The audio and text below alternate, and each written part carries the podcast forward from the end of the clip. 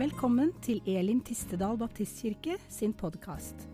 Du lytter nå til en tale fra en av våre gudstjenester.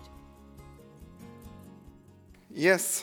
Jeg, eh, ja, jeg starter jo en del ganger med å fortelle om min, liksom den dagen jeg ble en kristen. Jeg starter litt der og jeg er i dag, altså. Um, så dere får ha meg unnskyldt. Jo, menigheten her blir jo godt kjent med det etter hvert. Kan den snart, eh, historien min snart utenat. Men jeg har lyst til å starte litt der, for det var noe jeg var, var veldig opptatt av som, som, ung og en ny kristen, da, for å si det på den måten. Eh, og som jeg, måte, som jeg, igjen har stansa ved i dag. Da. Men jeg har lyst til å si noe først rundt det. Fordi jeg, når jeg ble kristen som 20-åring, så er det jo litt ulikt for oss som har kommet til tro, hvordan den eh, veien har blitt. Noen har på en måte bare vokst inn i det fra barnsbeina av. Noen har det vært en, en, en lang, lang prosess. Og eh, Sånn var det nok sikkert allikevel også for meg, men allikevel så blei det en brå og livsforvandlende opplevelse og bestemmelse en vårdag i 1993.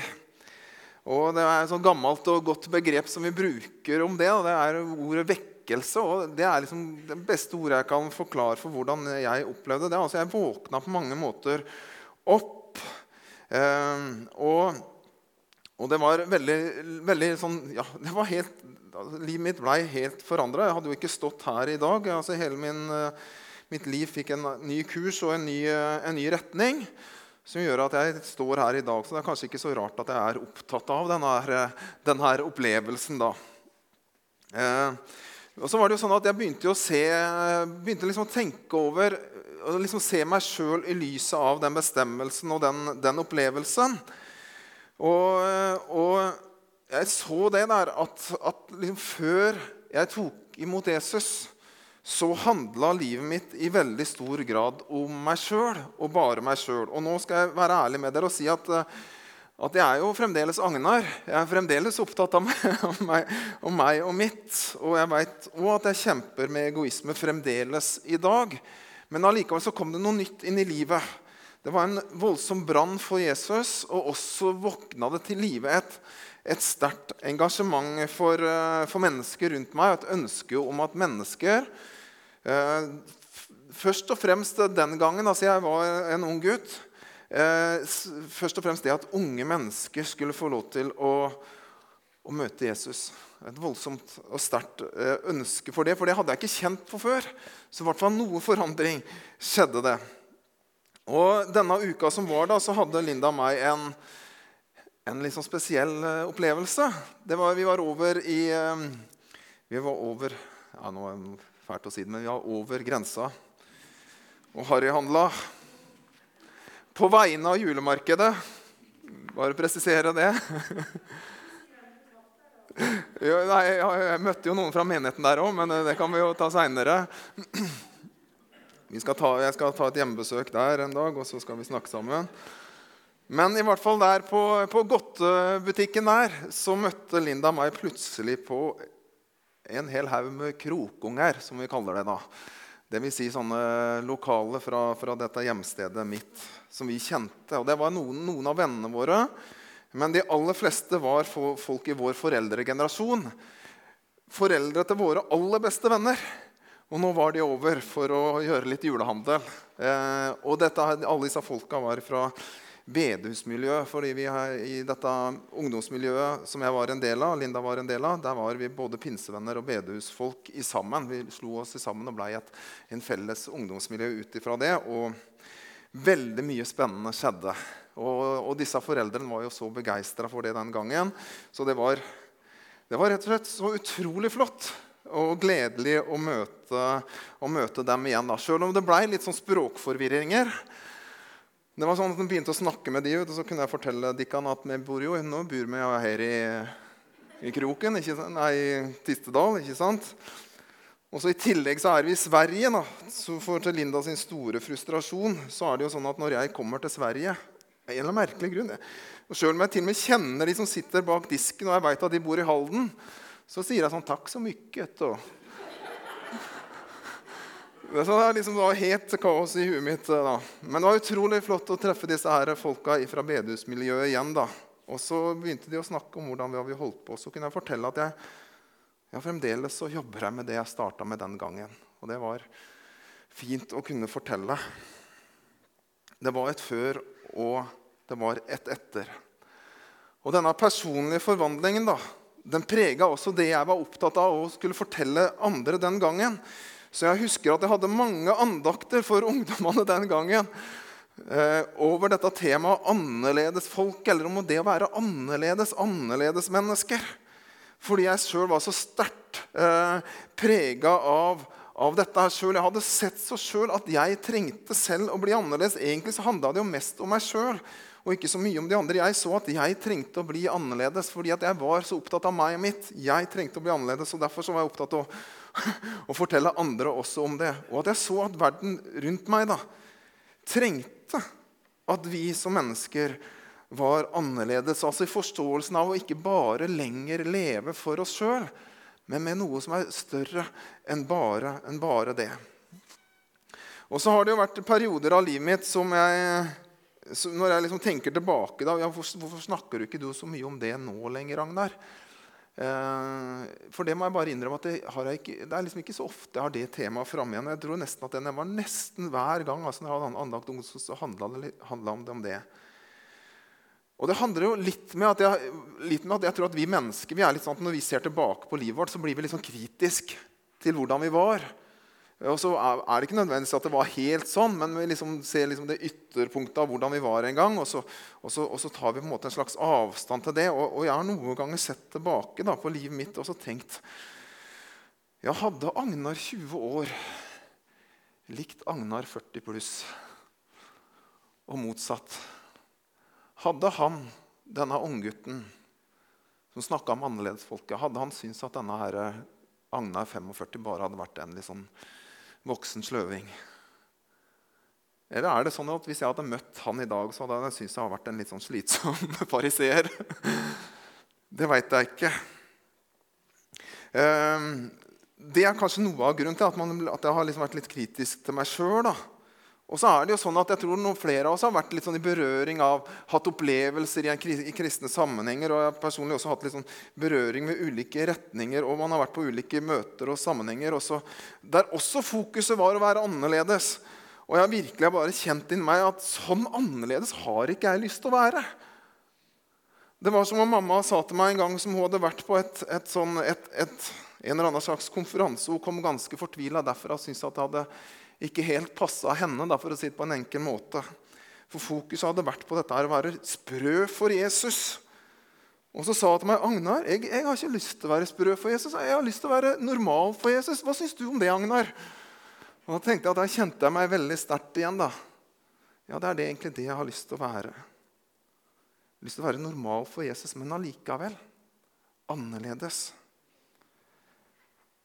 Sånn kan det jo være med ulike temaer. ikke sant?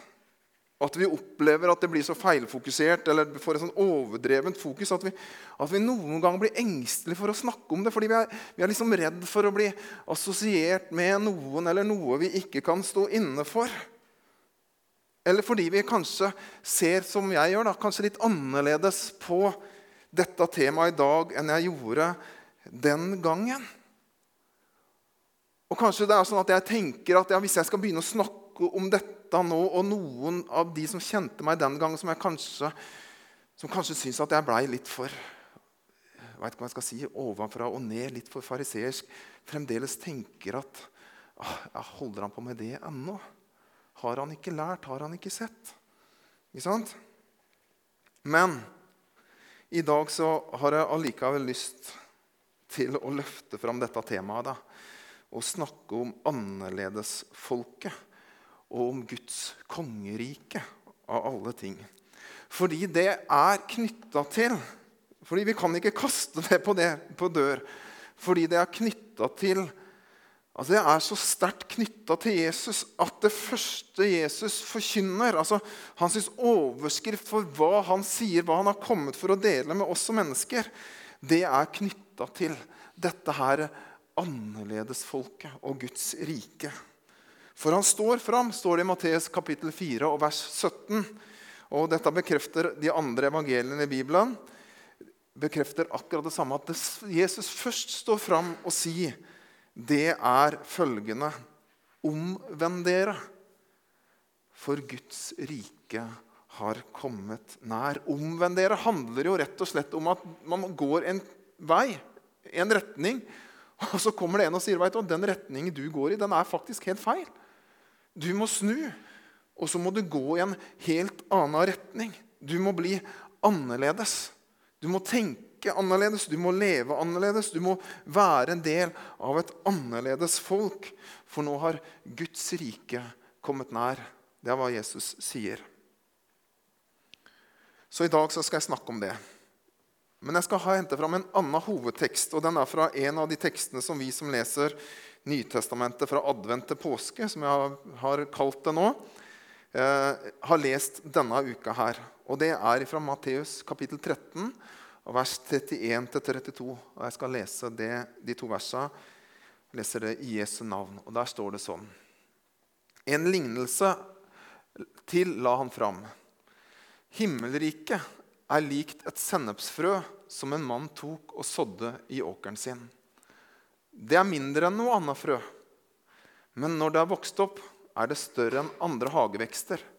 Så det blir til et tre, og himmelens fugler kommer og bygger rede i greinene på det. Det er teksten fra hva jeg skal dele med dere i dag. Det er sånn at dette himmelriket, eller Guds rike, det er, det er mer enn et viktig tema i Det nye testamentet. Det er faktisk rett og slett det mest sentrale i hva Jesus forkynner og underviser. Egentlig så er det sånn at Alt hva Jesus forkynner og underviser om, handler om Guds rike. Som en overskrift mange ganger når det, når det siteres om Jesus sitt liv, så står det at han dro omkring og forkynte evangeliet. Men ikke bare evangeliet, men evangeliet om noe. Og det var evangeliet om Guds rike. Og nå har jeg lyst til å si noen ord. Sånn, nå skal vi gå i litt sånn begrepsforståelse. Kanskje du sitter her og tenker er det skole i dag? Skal vi holde på med gresk og hebraisk og norsk? Og da får du liksom ha noen minutters tålmodighet, og så, så håper jeg at du kan få noe ut av det allikevel. Men noen ord om hva dette her ordet Guds rike eller himmelrike betyr. For det er jo sånn at det blir litt, brukt litt ulike eh, eh, begrep i Bibelen. Iblant så, så, snakkes det om himmelriket, iblant om Guds rike, eller bare rike. Og De har jo forsøkt så nøye de kan å oversette det etter hva som sto i de ulike aktuelle tekstene. Men alt i alt så spiller det egentlig ikke så stor rolle, for alle begrepene betyr egentlig det samme. For så er det jo sånn at Ordet 'himmel' er jo bare en avleda form av ordet Gud. Det synes jeg er fantastisk å vite. at liksom, Himmel altså det, er, det, er bege, altså det, kommer av ordet Gud. Altså det betyr at Du kan liksom ikke skille himmel fra Gud. For himmelen er der Gud er. Eksempel. Så Derfor er Guds rike og himmelriket det er egentlig på en måte det helt samme ordet.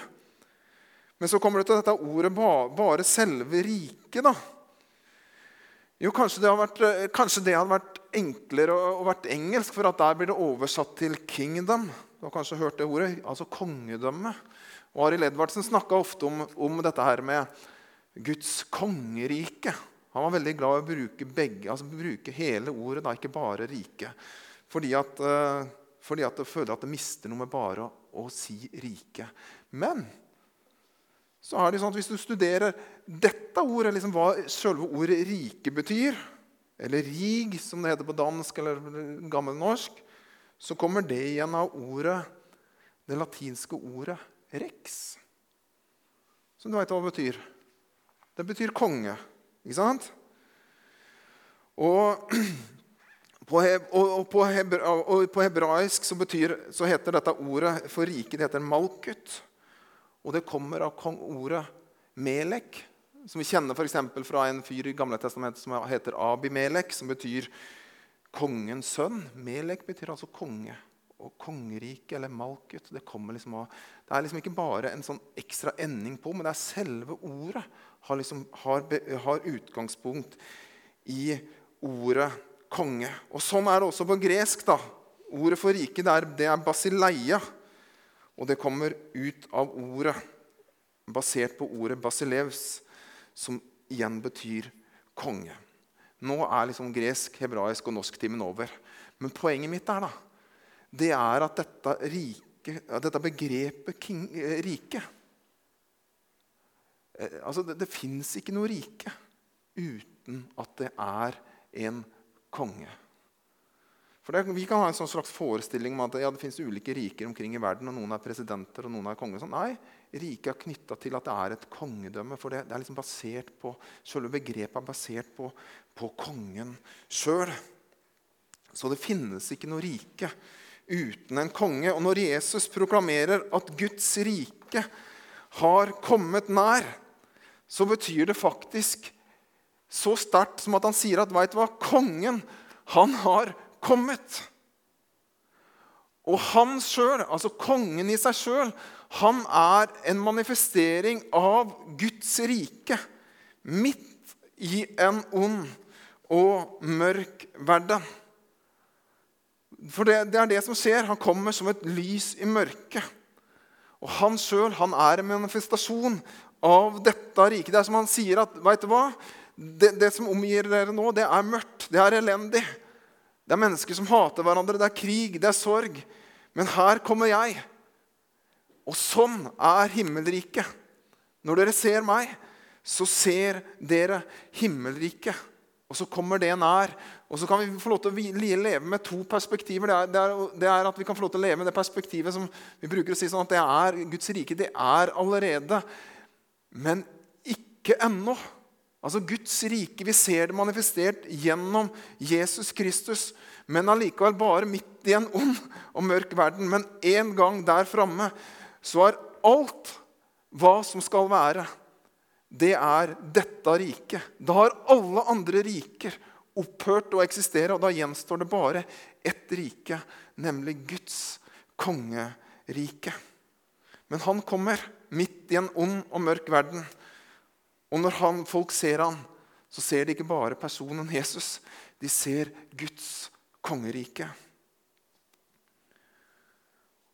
Så disse fantastiske nyhetene, dette gledesbudskapet, evangeliet som det blir kalt, i denne teksten som vi las her, det er at i denne mørke verden ja, så har det kommet inn et frø.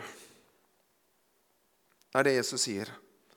Det har kommet inn et sennepsfrø. Og når vi begynner å få litt perspektiv på det, for vi leser jo, vi leser jo historien om Jesus, og så ser vi alt i, i store bokstaver, men du kan prøve å tenke deg tilbake til den gangen. Folk i Roma eller andre steder av, av den daværende verden kjente jo lite til de store begivenhetene som skjedde i denne på en måte avkroken av Romerriket. Der blir det født et lite frø, et sennepsfrø, i en krok av verden. Født i en stall, sannsynligvis en, en steinhule i Betlehem. Og selv om det er sånn at han gjør stor oppstandelse, og vi kan lese om det der han er, så er det jo sånn at når du begynner å lese andre historiske tekster fra den tiden, så er det ikke sånn at, at han er en hovedsak. Jo, vi kan finne spor av han, og det fins f.eks. en historiker som heter Josefus som skriver om denne, skriver om Jesus og om de kristne. Så vi får bekrefta at ja, det er ikke bare Bibelens forfattere som skriver om Jesus. Historikere og bekrefter at han fantes, og den, og den kristne bevegelse. Men allikevel så er det jo sånn at keisere og andre på den tiden de er mer enn nok opptatt med sine egne bravader enn av denne her jøden som blir henretta på et kors på utsida av byen Jerusalem. Og I begynnelsen så er det sånn at heller ikke romerne er så opptatt av denne, denne nye bevegelsen som vokser fram. Jo, de har hørt rykter om at det fins én retning innenfor jødedommen. For det er det de tenker i begynnelsen. Som, som, som, faktisk går rundt og sier at de har sett en mann stått opp fra graven. De rister på hodet og tenker ja, snart, raskt har det kommet, og snart skal det fare. Et lite frø, etter hvert en liten busk. Noe lite og ubetydelige. Noe som få har hørt om. Noe man tenker ja, det, skal, det kommer snart til å fare av gårde. på samme måte som en rekke andre religiøse retninger og tanker som, som var i verden den gangen. Snart er det forbi, og det er glemt i morgen. Men så vokser dette treet opp. Som et tre. Det brer seg som ild i tørt gress. Og til slutt så er det større enn alle andre hagevekster. Og I dag så kan vi se det oppfylt at mennesker fra alle folkeslag, fra alle eh, himmelretninger, kommer og søker ly i greinene til dette treet. Og I dag så bekjenner omkring to milliarder mennesker seg til troen på Jesus. Og så kan vi se rundt oss, og vi kan se historien. Og så kan vi forstå at han som en dag ropte ut disse orda Omvend dere, for Guds rike har kommet nær. Han har i virkeligheten forvandla folk og nasjoner. Ja, hele verden. Ja, hele historien. Og det er ikke å ta for mye i, for det har han gjort. Jeg har eh, lyst til å ta deg med til eh, apropos begrepet konge. Nå skal du få en litt annen variant av dette begrepet, som jeg sjøl ble oppmerksom på for bare kort tid siden. Det er sånn at I Jesajas 52, som er en sånn veldig sentral bibeltekst da, fordi den ligger rett i forkant av Jesajas 53, der, måte, der du har eh, der den lidende Messias blir presentert. altså der, der, ja, Det er en av de mest sentrale profetiske tekstene om Jesus. Men allerede i Jesajas 52 så begynner det å bryte igjennom. og Det begynner å fortelles om han som skal komme. Og Der sies det noe spesielt. Og det er, Der står det sånn at Herren viser sin hellige arm for øynene for alle folkeslag. Men dette selve begrepet da, for dette her at Herren viser sin hellige arm. Egentlig det det står på grunnteksten, det er at Herren Nå skal du høre noe veldig rart nå. Herren konger. Altså, Selve begrepet konge, som er et substantiv, det blir gjort om til et verb. Vi har jo en sånn lignende, vi har jo laga dette sånn ekstra sånn substantiv i, i vår, vår, vårt språk. Vi snakker om at ja, eller, ja, det er en slags opplevelse vi har hatt. Ja, det var helt konge. Du har hørt det? Er helt konge. Men det de gjør i, det, i denne teksten, her, de gjør det om til et verb. Altså Som om vi skulle sagt 'Å, konge, konger har konget'. Ja, i morgen skal jeg konge litt. Ikke sant? Jeg vet ikke hvor ofte du har sagt det. Men det er faktisk det det står her, at Gud konger. Så når Guds rike kommer nær, så er, så er, det ikke bare at han kommer, men det er noe han aktivt gjør. Han bryter igjennom, han rekker ut sin veldige arm. Han konger denne verden. Han gjør, den til, uh, han gjør det til sitt rike. Når han frelser oss, når han helbreder, når han løfter opp de svake, når han manifesterer Guds rike, Guds rikes krefter, Guds rikes prinsipper. Altså Når han demonstrerer Guds rike, så er det så er det det uttrykket som han gjør. Han konger. Nå har du lært noe nytt. Guds rike kommer midt i en ond og fortapt verden.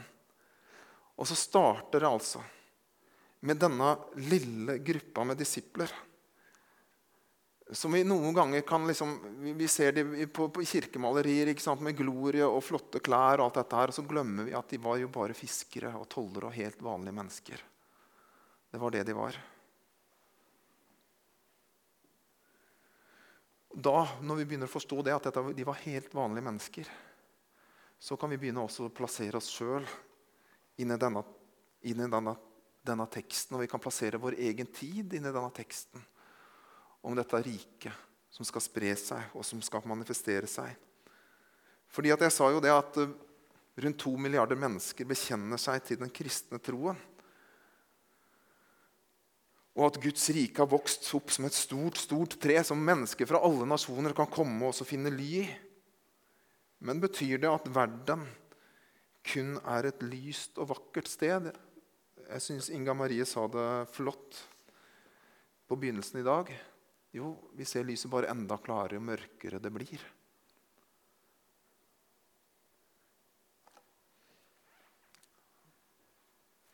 For la meg stille noen spørsmål. Finnes det fortsatt lidelse? Er det fortsatt mennesker som utsettes for vold og overgrep? Skjer det fremdeles i dag diskriminering og forskjellsbehandling? Er det fortsatt fattigdom og urettferdighet? Sliter fremdeles mennesker med sykdom og psykiske problemer og rus? Er det fortsatt barn og unge som lever og er utrygge hjemme eller på skole? Eller mangler skolegang eller mat? Eller helt sånne basale eh, helse, eh, ja, helsehjelp? Er det fortsatt nød? Er det fortsatt hat? Er det fortsatt krig? Kjenner vi fortsatt på bitterhet og strid? Er det egentlig sånn at selv om vi ser at Guds rike det har gått bare helt kolossalt frem, så er det nesten så vi kan si at samtidig så har bare ondskapen blitt samtidig bare enda sterkere? Hvis det er sånn at vi kan svare ja på ett eller flere av disse spørsmåla, så, så må vi vel si at Guds rike fremdeles i dag trengs og manifesteres iblant oss i denne verden. Vi trenger fremdeles i dag at Jesus kommer og konger denne verden. Og hva skjer det gjennom? Jo, det skjer fremdeles gjennom helt vanlige mennesker, fiskere og tollere. Gjennom folk som har kalt og utvalgt av ham. Gjennom et annerledes folk. Det er det vi har kalt å være. For det er det Jesus begynner å bygge. Når du begynner å lese, Nå har vi lest Matteus, vi som leser sammen. Da vi har lest begynnelsen av Matteus nå. Vi begynner å nærme oss slutten, begynner å nærme oss oss, eh, ja, begynner å nærme oss eh, avslutningen av Matteusevangeliet. Men helt i begynnelsen og, og, hva, er det, hva, er det, Jesus gjør? Liksom, hva er det han ønsker med det han sier og gjør? Jo, han begynner å bygge opp et annerledes folk. Hvor Jesus sier at Guds rike sier han en gang til sine disipler. Det er ikke sånn at dere kan peke på og si at der er der. Det er i dere. Og dette ordet 'i' betyr også iblant dere. Det er, liksom, det er i vår flokk. Her er Guds rike. Her demonstreres det. Og I forrige uke så las vi eh, en bibeltekst også ifra, ifra Matteus, der vi var inne på bergprekenen. Og hva er fokuset i bergprekenen? Jo, han snakker, om at, han snakker til sine disipler og han sier at dere skal være jordens lys. Og dere skal være jordens salt. Og Han går til med så langt og sier at om altså deres rettferdighet sier han til sine disipler, den skal overgå de skriftlærdes. Og det er, for å si det på enkel, enkel måte, altså Orda i bergprekenen de er ramsalte og radikale. Det er nesten så vi ikke tør å lese de noen ganger. Han sier bl.a.: Elsk deres fiender. Jeg tror ikke det finnes et mer utfordrende bud enn som så. Og Når vi leser det, så begynner vi å tenke, fordi vi vet at vi kommer til punkter og måter og ting og tang, og så, og så begynner vi å tenke ja men, ja, men, da må vi forstå, da må vi prøve å tolke oss litt bort ifra Skjønner du? Sånn er det jo. For å få det liksom til å passe mer i vår forståelse av, av det hele. Og det skal vi noen ganger gjøre. Jeg sier ikke at vi ikke skal gjøre det, men vi skal passe oss for å gå for langt. Og ikke bare forklare orda bort. Nei, Vi trenger å lese ordet noen ganger og så rett og slett bare la det ramme oss. La det utfordre oss.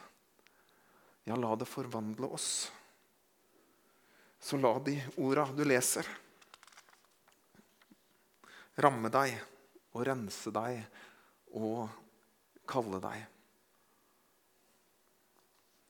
Og la de forme deg til ja, rett og slett et, et annerledes menneske. Et menneske som Jesus har konga.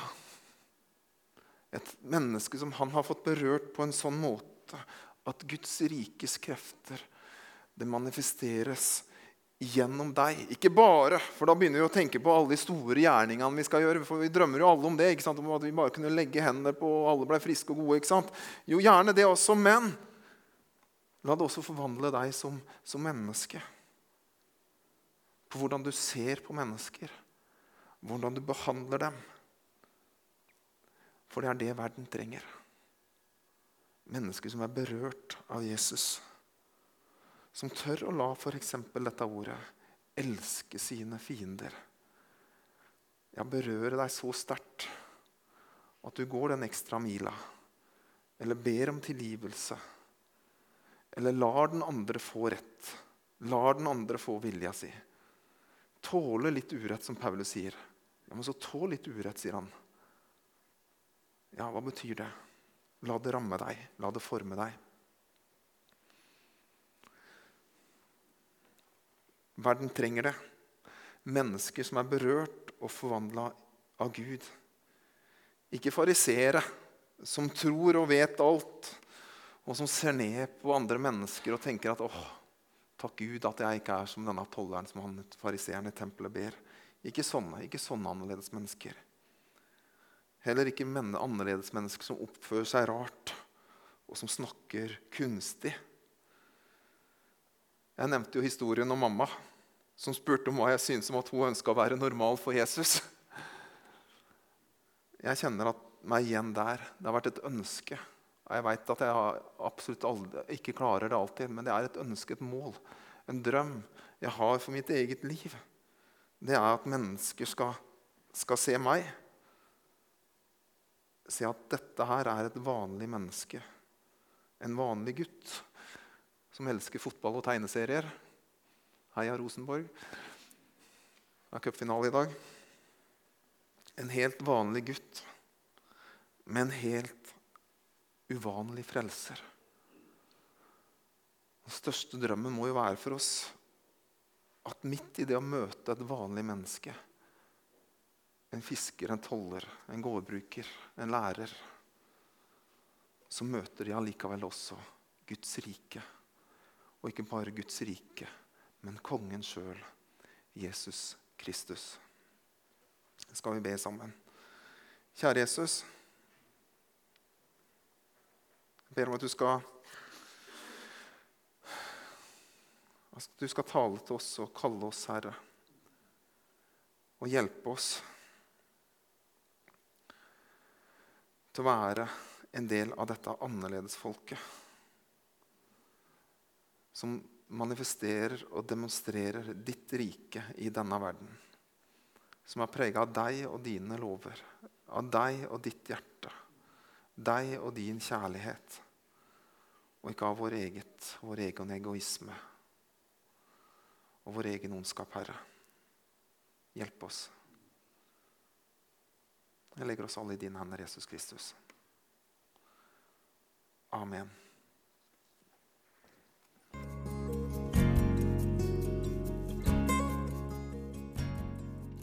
At du lyttet til denne talen. Håper du ble inspirert.